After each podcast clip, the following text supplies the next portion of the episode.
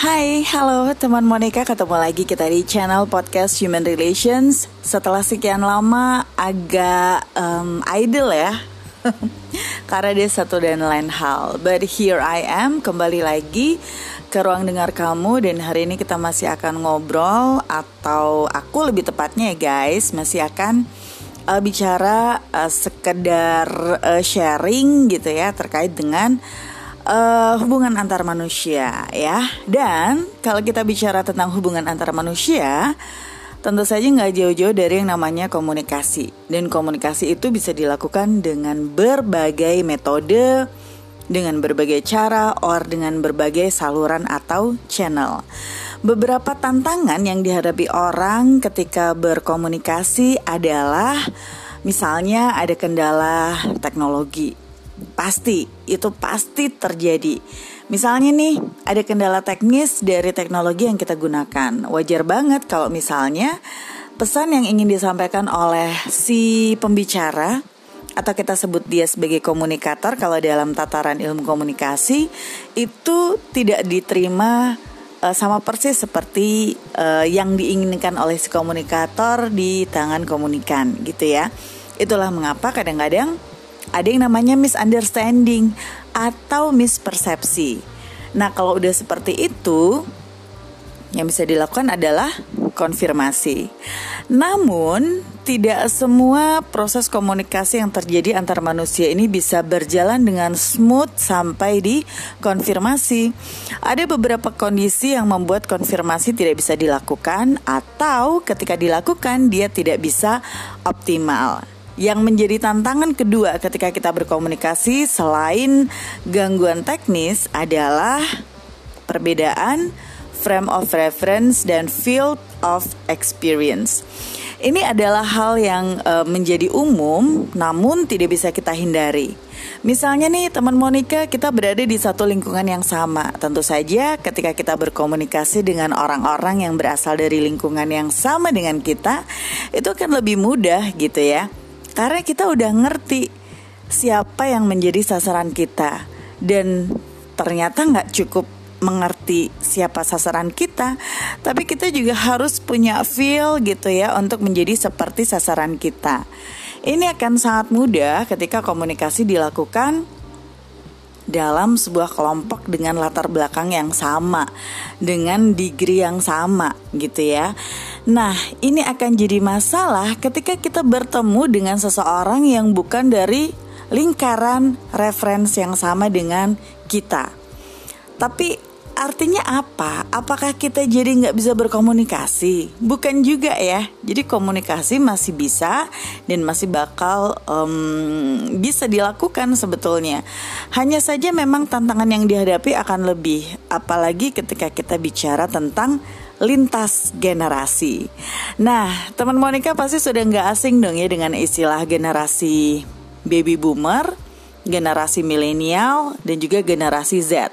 Tiga generasi ini banyak menjadi kajian dewasa ini karena tiga generasi inilah yang uh, banyak mendiami society sekarang ini. Akan jadi masalah ketika kita berkomunikasi dengan mereka yang berasal dari generasi berbeda. For instance, seorang baby boomer berkomunikasi dengan milenial Mungkin uh, permasalahan yang muncul, misunderstanding atau mispersepsi yang muncul tidak akan sebesar ketika seseorang yang dari generasi baby boomers berkomunikasi dengan seseorang dari generasi Z. Karena dia akan lebih punya celah yang lebih besar sehingga background, kemudian habit, budaya itu perbedaannya sudah sangat jelas.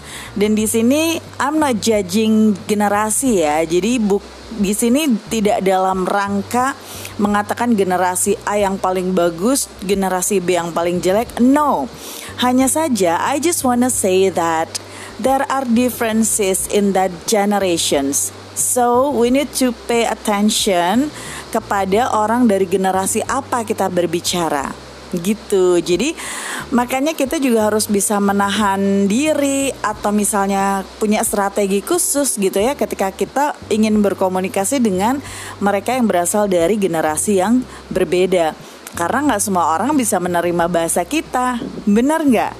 Teman Monica pernah nggak sih menghadapi permasalahan seperti itu? Jadi ketika kita mau ngomong sesuatu, ke seseorang dari generasi yang berbeda, ternyata diterimanya beda, sehingga mereka akhirnya punya persepsi yang berbeda pula gitu terhadap kita. Nah, um, Buat aku itu nggak masalah karena itu adalah dinamika komunikasi yang terjadi uh, dalam tataran komunikasi yang beda generasi. Tetapi yang pengen disampaikan di sini sebetulnya adalah pertama, memang kita butuh untuk aware bahwa setiap orang itu membutuhkan perlakuan yang berbeda. Setiap orang punya karakteristik yang berbeda dan setiap orang memiliki bahasa yang berbeda. So, dengan melihat tiga hal itu, semoga bisa jadi kita punya pertimbangan yang lebih sebelum akhirnya kita melakukan komunikasi dengan mereka. Kalau ada salah persepsi gimana? Kalau ada salah persepsi, cari dan amati. Mungkin tidak kita melakukan konfirmasi. Jika itu tidak mungkin, ya sudah, biarkan saja. Jadi, seperti itu adanya. Karena ketika kita mencoba melakukan konfirmasi dari sebuah misunderstanding yang ada, tetapi ternyata tidak ada ruang untuk konfirmasi, maka energi yang kita gunakan untuk konfirmasi itu akan terbuang sia-sia. Karena you know, confirming something itu consuming our energy, right? So we better not doing that. Kalau misalnya kita melihat there is no opportunity to do that, gitu. Oke, okay. wow, luar biasa ya. Ternyata asik ya ngomongin lintas generasi. Nah, kayaknya segini dulu deh ya teman Monica uh, edisi podcast uh, channel ini untuk kali ini. Uh, semoga kita masih bisa ketemu lagi di lain kesempatan, di lain episode. Dan yang jelas buat kamu yang lagi ada di rumah, lagi ada di luar rumah, atau lagi ada di mana pun Tetap selalu tebarkan cinta untuk sesama. Terima kasih. Saya Monica with K, not with C. Bye.